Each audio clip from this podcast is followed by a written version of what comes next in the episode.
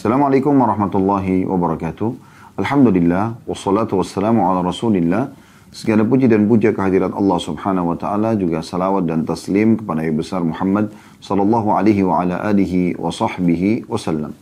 Seperti biasa teman-teman sekalian di hari Jumat siang hari kita akan melanjutkan buku kita eh, Sahih At-Targhib Tarhib dan kita masih dalam kitab sedekah.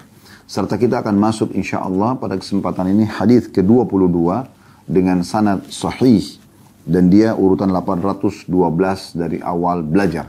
Namun sebelumnya kita mengingatkan kembali bahwasanya Ramadan momentum yang paling tepat untuk Anda mengeluarkan dari harta Anda yang terbaik karena disebutkan dalam hadis yang sahih karena Rasulullah sallallahu alaihi wasallam ajwadun nas.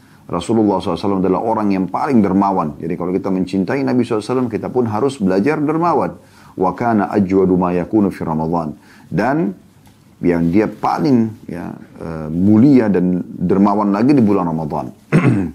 Terlebih lagi kesempatan kita bisa meraih membuka puasakan orang gitu kan.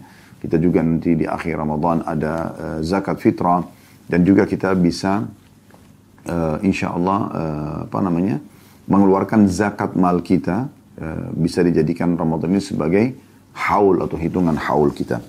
Baik kita akan masuk teman-teman sekalian hadis ke-22 dalam bab kita dan urutan 812 dari awal belajar dengan sanad sahih yang berbunyi dari ha, dari Hakim ibn Huizam radhiyallahu anhu dia berkata sa'altu Rasulullah sallallahu alaihi wasallam fa'atani thumma sa'altuhu fa'atani thumma sa'altuhu fa'atani thumma qala ya Hakim hadha al-mal khadir hul akhadahu bi sakhawati nafsin بورك له فيه ومن أخذه بإشراف نفس لم يبارك له فيه وكان كالذي يأكل ولا يشبع واليد العليا خير من يد السفلى.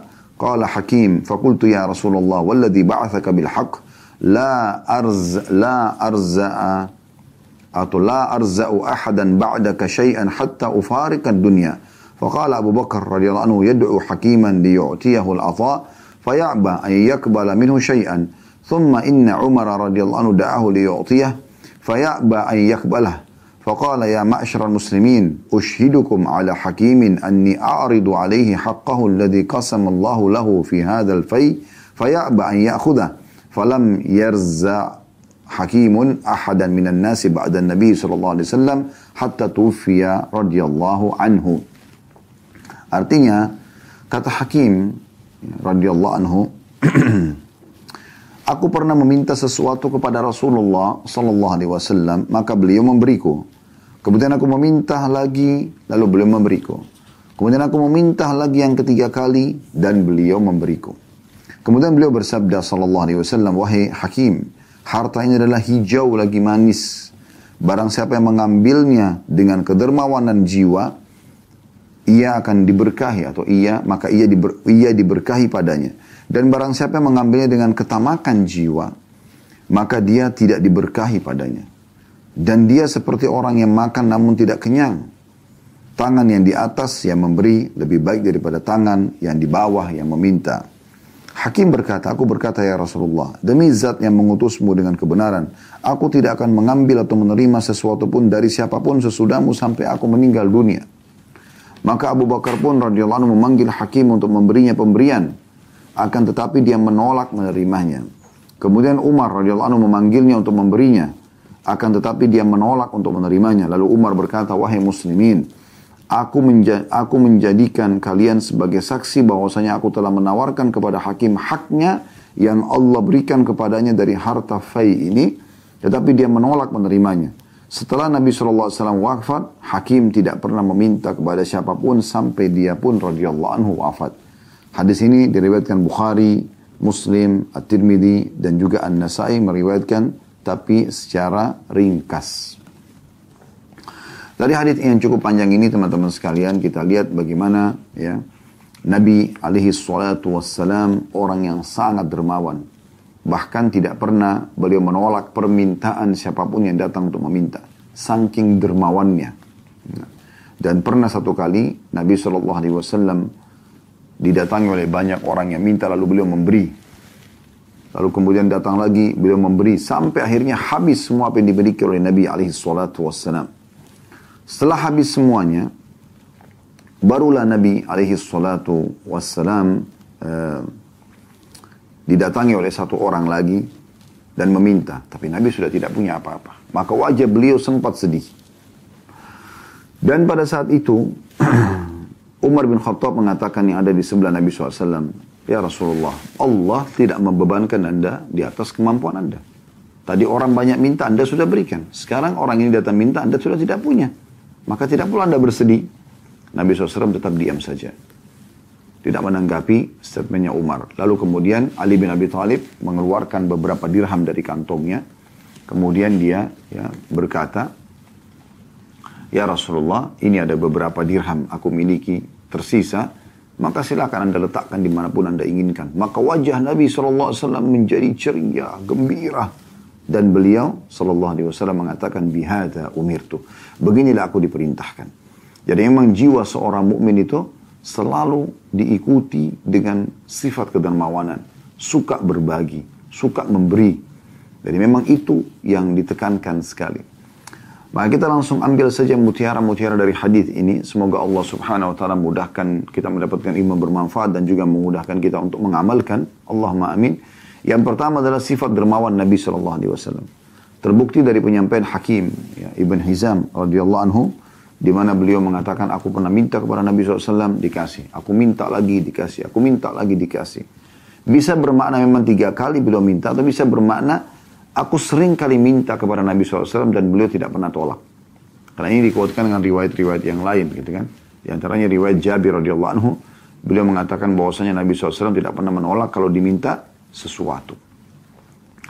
Kemudian pelajaran yang kedua, ya, yaitu Nabi alaihi salatu wassalam memberikan gambaran dan nasihat kepada semua orang yang sudah diberi. Bagaimana pada saat Anda diberi, sesederhana pun sesederhana apa pun pemberian itu selalu syukuri dan letakkan ya di atas sebuah timbangan di mana itu nilainya sangat mahal. Nilainya sangat mahal, ya supaya Anda bisa berterima kasih kepada Allah Subhanahu wa taala dan juga berterima kasih pada orang yang memberi. Itulah diambil dari potongan sabda Nabi sallallahu alaihi wasallam, "Hadzal malu khadirun hul." Sesungguhnya harta-harta yang diberikan seperti warnanya hijau. Hijau maksudnya sini ya. Eh, biasanya kalau warna hijau orang senang melihatnya, kayak daun-daun pohon misalnya. Lagi manis, Siapa yang tidak mau? Semua orang mau kalau diberikan. Orang kaya pun kalau diberi mau gitu. Ya. Waman akhadahu bisakhawati nafsin burika lahu fihi. Barang siapa yang menerima pemberian itu dengan kedermawanan jiwa, maka ia diberkahi padanya. Maksudnya, dia merasa punya nilai ini. Apa yang sedang dia, apa yang sedang Allah berikan kepada dia, walaupun sederhana. Ada orang, Masya Allah, mendapatkan seteguk air saja. Dia selalu mengatakan Alhamdulillah. Segelas air misalnya, sepotong kue. Semuanya dinilai dengan penilaian yang uh, memiliki bobot yang besar. Sehingga dia selalu bersyukur kepada Allah subhanahu wa ta'ala. Dan juga dia selalu berterima kasih pada orang yang sedang memberi. Nah ini berarti Allah akan berkahi apa yang telah dia dapatkan tersebut. Dan kata Nabi SAW sebaliknya sebagai nasihat juga. Kalau ada orang yang justru setiap menerima pemberian selalu merasa kurang, tidak meletak, tidak memberikan nilainya, ya, sehingga tidak bersyukur sama Allah dan tidak berterima kasih pada orang yang memberi, maka Nabi SAW mengatakan, "Waman akhadahu bi ishrafi nafsin lam yubarak lahu fi." Dan barang siapa yang mengambilnya dengan ketamakan jiwa maka dia tidak diberkahi padanya. Jadi walaupun sesuatu yang dia terima itu adalah hal yang besar, menjadi kecil akhirnya.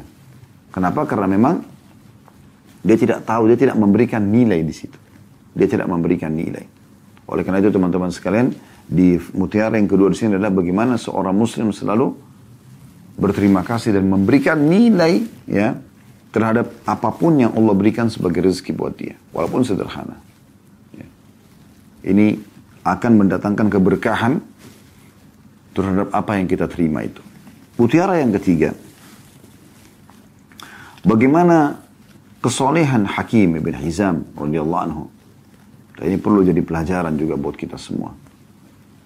Bagaimana beliau setelah mendengarkan itu, beliau bukan lagi mengatakan baik ya Rasulullah, saya mulai sekarang kalau saya dikasih saya akan berterima kasih sama Allah, saya akan berterima kasih pada orang yang memberi gitu kan. Dan saya tidak akan mungkin um, tidak memberikan nilai apa pun yang sedang saya terima. Tapi beliau langsung mengatakan, Ya Rasulullah, demi zat yang telah mengutus anda dengan kebenaran. Mulai sekarang, saya tidak akan buka pintu minta-minta ini. Saya tidak akan mau minta-minta lagi. Udah saya tidak akan minta pada siapa pun. Saya akan berusaha terus. Karena memang bab yang sedang kita bahas berhubungan juga dengan masalah itu ya. Kalau Anda kembali ke bab kita, di, dari hadis yang pertama ini kan kita di bab keempat ya. Anjuran dan pengharaman meminta-minta dalam kondisi mampu. Keterangan tentang dicelahnya tamak dan anjuran menahan diri dari meminta-minta dan harusnya memiliki sifat qana'ah, merasa cukup dan makan dari hasil usaha sendiri. Inilah bab yang sedang kita bahas. Oleh karena itu di sini kita lihat bagaimana Imam Nawawi rahimahullah masukkan hadis Hakim ibn Hizam ini radhiyallahu tepat sekali. Karena Hakim ibn Hizam langsung memahami pesan dari Nabi Shallallahu Alaihi Wasallam. Nabi sangat lembut, sangat santun dalam menyampaikan. Seakan-akan Nabi sebenarnya yang ditangkap oleh Hakim, kau kalau minta-minta terus begini, ya, akhirnya muncul ketamakan dalam dirimu. Kau akan hanya menjadikan sebagai sumber pendapatanmu saja. Oleh karena itu, jangan. Sebaiknya jangan, tapi Nabi SAW tidak bilang itu. Nabi SAW cuma mengatakan, kalau orang ikuti dengan ketamakan, maka tidak ada keberkahan. Kalau dia ambil dengan kedermawanan hati maksudnya, ya sekarang sudah cukup. Dan kalau dia tidak minta lagi, karena dia sudah terpenuhi, maka dia akan diberkahi. Maka beliau mengatakan, mulai sekarang ya Rasulullah, saya tidak akan minta lagi setelah anda. Minta nggak mungkin lah. Saya akan bekerja, punya penghasilan, lalu kemudian saya akan ya, hidup dari situ. Begitu prinsip dasarnya hakim. Bahkan dia mengatakan berjanji di hadapan Nabi SAW, sampai saya wafat ya Rasulullah. Dan ternyata Hakim ibn Hizam radhiyallahu anhu betul-betul orang yang wafi. Orang yang memenuhi janjinya. Dia bahkan teman-teman sekalian, bukan hanya sampai Nabi SAW meninggal. Ini menandakan ketulusan dan kebenaran imannya. Karena bisa saja setelah Nabi SAW meninggal, ya udah dia buka aja pintu lagi minta, gitu kan. Tapi tidak. Di zaman khilafahnya Abu Bakar radhiyallahu anhu waktu Abu Bakar jadi raja, dia membagikan kepada Hakim bin Hizam, Hakim bin Hizam tidak mau. Sampai Abu Bakar wafat, Umar pun datang, Umar memberikan, bahkan yang diberikan dari haknya dia. Fai, yang disebutkan sini adalah hasil dari pendapatan perang gitu kan. Itu dikasih, tetap dia tidak mau. Dia tidak mau terima Hakim radhiyallahu anhu. Dianggap itu, dia saya sedang berjihad, saya sedang berusaha beribadah, untuk apa saya dapat pendapatan dari situ? Tidak usah. Biar saya bekerja saja. Sehingga dia menolak. Ya, sehingga dia menolak. Dan ini bentuk keimanan ya, atau tanda keimanan dari seorang hakim Ibn Hizam radhiyallahu anhu. Pelajaran yang terakhir adalah bagaimana sikap yang sangat baik dari Umar radhiyallahu anhu dan untuk menyelamatkan dirinya dari hisab hari kiamat dia sudah memberikan kepada Hakim Ibn Hizam haknya tapi karena Hakim menolak maka berarti kan haknya hakim ada. Akan dikembalikan ke baitil mal. Ke tempat penyimpanan harta kaum muslimin. Umar berkata kepada orang-orang sekitarnya, wahai kaum muslimin. Aku menjadikan kalian sebagai saksi. Kalau sebenarnya Hakim bin Hizam ini, aku sudah berikan haknya. Tawarkan. Dia tidak mau. Maksudnya apa? Supaya jangan sampai nanti hari kiamat dia tuntut aku. Walaupun Hakim tidak akan tuntut Umar bin Khattab. Karena Hakim radhiyallahu memang juga memang sudah berazam tidak mau terima. Kecuali dari hasil kerja dia sendiri. Tapi sikap Umar bin Khattab ini sangat baik. Jadi kalau seandainya Anda menawarkan sesuatu pada orang, kemudian misalnya ada e, pemberian yang harusnya Anda berikan kepada dia, dia mengatakan, tidak, saya nggak usah. Supaya nanti tidak datang tuntutan baik di dunia maupun di akhirat, Anda mengatakan, siapa di sini yang jadi saksi, tolong saya sudah tawarkan ya, orang ini memang tidak mau. Karena kadang-kadang manusia lupa ya. Mungkin pada saat dia mengatakan saya tidak mau sekarang, tapi mungkin tiga tahun, empat tahun ke depan dia lupa lalu dia minta. Mungkin. Atau mungkin ada ahli waris yang minta. Karena sebenarnya sudah di, dia sendiri sudah tidak mau gitu. Dia tidak mau mengambil dan dia serahkan saja kepada pihak pemerintah atau atasannya gitu kan. Untuk mengelola apa yang dia tidak mau terima itu. Jadi ini juga sebuah sikap yang baik dari Umar radhiyallahu anhu. Tapi saksi bahasan kita, karena ini bab memang ya, anjuran untuk tidak minta-minta bagaimana Hakim bin Hizam radhiyallahu anhu tadinya minta-minta pada Nabi SAW akhirnya dia menolak tidak mau lagi menerima setelah dia mengetahui nasihat dari Nabi alaihi salatu wassalam kita masuk ke hadis 23 dengan sanad sahih urutan 813 dari awal belajar berbunyi dari Thauban radhiyallahu anhu dia berkata Rasulullah SAW bersabda man takaffala li an la yas'alan nasa syai'a atakaffalu lahu bil jannah Fakultu ana fakana la yas'alu ahadan syai'a. Kata Nabi SAW, barang siapa yang menjamin untukku bahwasanya dia tidak akan meminta-minta sesuatu pun kepada manusia, maka aku menjamin surga untuknya. Aku berkata, kata Thauban ya, anhu, aku ya Rasulullah. Maka Thauban tidak pernah meminta apa pun kepada seseorang. Hadis ini riwayat Ahmad, An-Nasai, Ibn Majah dan juga Abu Daud dengan sanad suhi. Dan dalam riwayat Ibn Majah berbunyi, لا تسأل الناس شيئا قال فكان ثوبان يقع صوته وهو راكب فلا يقول لأحد ناولنيه حتى ينزل فيأخذ. Janganlah kamu meminta-minta wahai Thauban sesuatu apa pun pada manusia. Maka dia berkata, maksudnya di sini ada seorang sahabat menyampaikan, cemeti Thauban jatuh. Sementara dia dulu di atas kendaraannya atau tunggangannya, dia tidak berkata kepada seseorang, ambilkan untukku sehingga dia sendiri yang turun dan mengambilnya.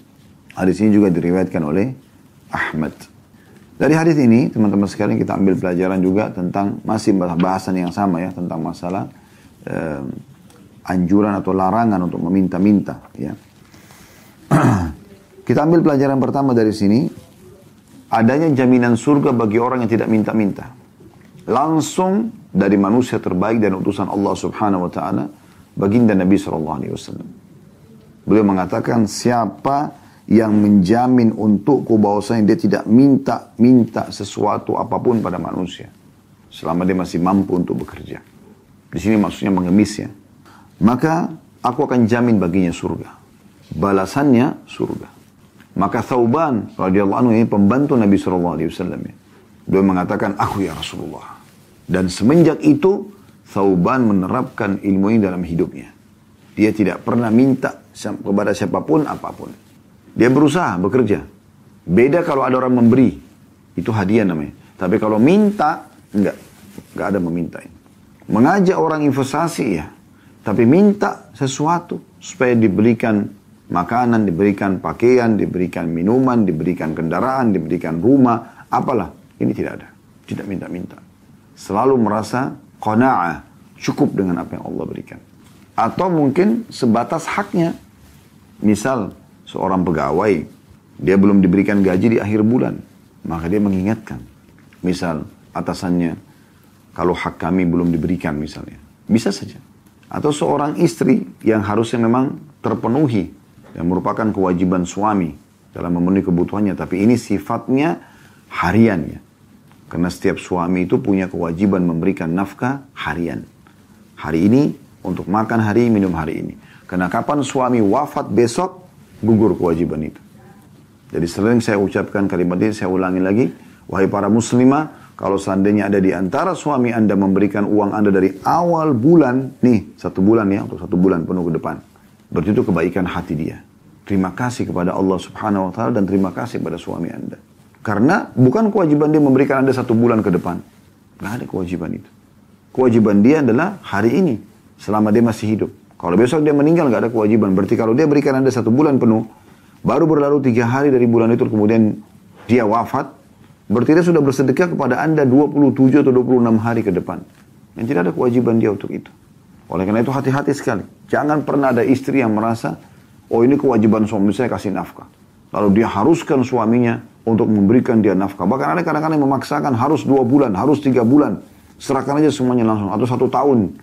Dari mana suaminya bisa ambil uang sebanyak itu? Ini harus bertakwa kepada Allah subhanahu wa ta'ala. Dan ini masuk dalam bab minta-minta ini. Kalau dia memaksakan yang bukan kewajiban suami. Anda minta satu bulan saja penuh, itu sebenarnya sudah melampaui dari kewajiban si suami. Kecuali dia dari dari hatinya sendiri dia mau memberikan itu lain supaya dia tidak terganggu lagi. Kalau misalnya sampai dia tidak punya uang di pertengahan bulan, sudah uang bulanan sudah aman. Tapi ingat, itu bukan kewajiban dia. Yang langsung satu bulan. Tapi harian iya. Oleh karena itu harus kita fahami baik-baik ini.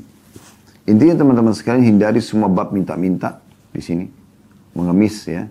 Bahkan Thauban radhiyallahu anhu saking inginnya mengejar surga sampai-sampai ya dijelaskan dalam riwayat tadi Ibnu Majah dia jatuh cemetinya yang biasa dipakai untuk ya, mecut eh, unta atau kuda jatuh. Dan itu kan agak sulit turun dari hewan ngambil lagi.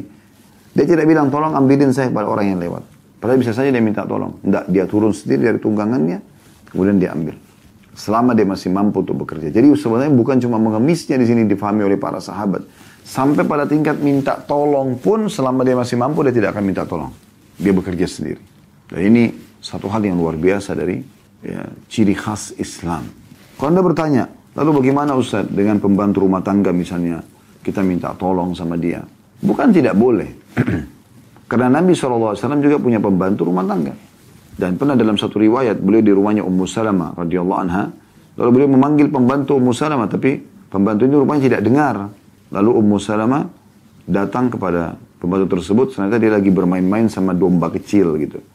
Lalu kata Ummu Salamah, kenapa saya lihat kau masih di sini sementara Rasulullah SAW memanggilmu? Nabi panggil untuk memenuhi hajat gitu. Kemudian dia pun ya berkata kepada Nabi SAW, demi zat yang mengutus anda, dengan benar, aku tidak mendengar ya Rasulullah, Anda panggil aku. Kata pembantu itu. Kata Nabi SAW, kalau bukan karena ada hukum kisos, maka aku akan memukulmu dengan kayu siwak ini atau ya, kayu yang Nabi SAW sedang pegang.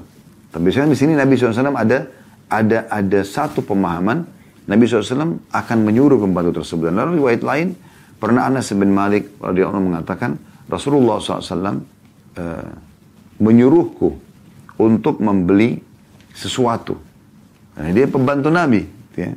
Ummu Sulaim radhiyallahu anha, ibu Anas, memang membawa Anas kepada Nabi SAW mengatakan, Ya Rasulullah ini Anas jadikan pembantu anda.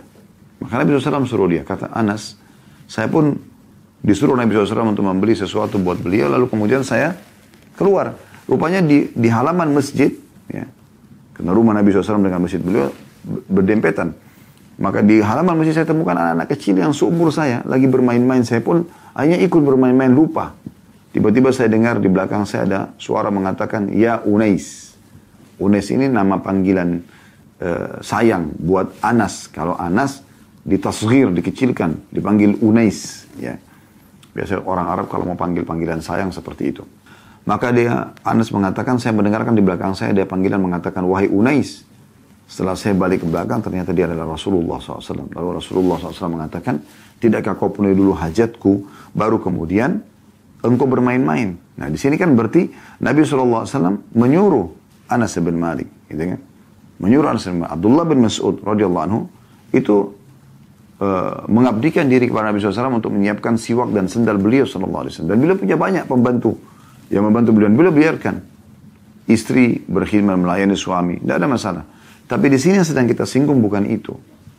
Bukan seorang orang tua minta pada anaknya atau uh, suami pada istrinya ya atau uh, majikan pada uh, pembantunya misalnya atau majikan pada supirnya yang meminta untuk diantar satu tempat ya uh, atau pemerintah memerintahkan kepada masyarakatnya bukan ini gitu yang dimaksud sini adalah tadi anda secara individu orang-orang ini tidak ada hubungannya sama anda sama sekali bukan istri, bukan uh, bawahan, bukan masyarakatnya, bukan dia sebagai pemimpin, bukan anak. Ya. Tadi contoh Hakim ibn Hizam, contoh Thauban. Mereka tidak mau minta lagi. Maksudnya minta dari orang lain yang tidak ada hubungannya sama dia. Kayak kasus tadi dia lagi uh, Thauban lagi di atas tunggangannya, kemudian jatuh cemetinya dia tidak minta tolong orang untuk mengambilnya gitu. Nah ini yang yang dimaksud itu di sini. Jadi tidak masuk dalamnya perintah orang tua kepada anaknya, perintah suami pada istrinya, perintah atasan pada bawahannya, ya itu tidak masuk dalamnya. Karena memang dasarnya dia bekerja dan memang dibayar jasanya misalnya atau diperintahkan dalam syariat untuk dipakai, dibolehkan dipakai jasanya dalam, dalam syariat. Gitu kan? Bukan karena Nabi SAW mengatakan tentang seorang istri wanita ahli surga atau wanita yang terbaik adalah wanita yang kalau kau lihat padanya kau senang dan kalau kau perintahkan dia akan patuh. Kan? Karena perintah di sini untuk mengerjakan. Ya, jadi sekali lagi yang tidak ada hubungannya sama kita, kayak contoh kasus lagi jatuh, tadi cemeti Ada orang lewat, tolong ambilin. Tidak ada begitu. Dia ambil, dia kerja sendiri. Itu yang dimaksudkan dalam bahasan kita.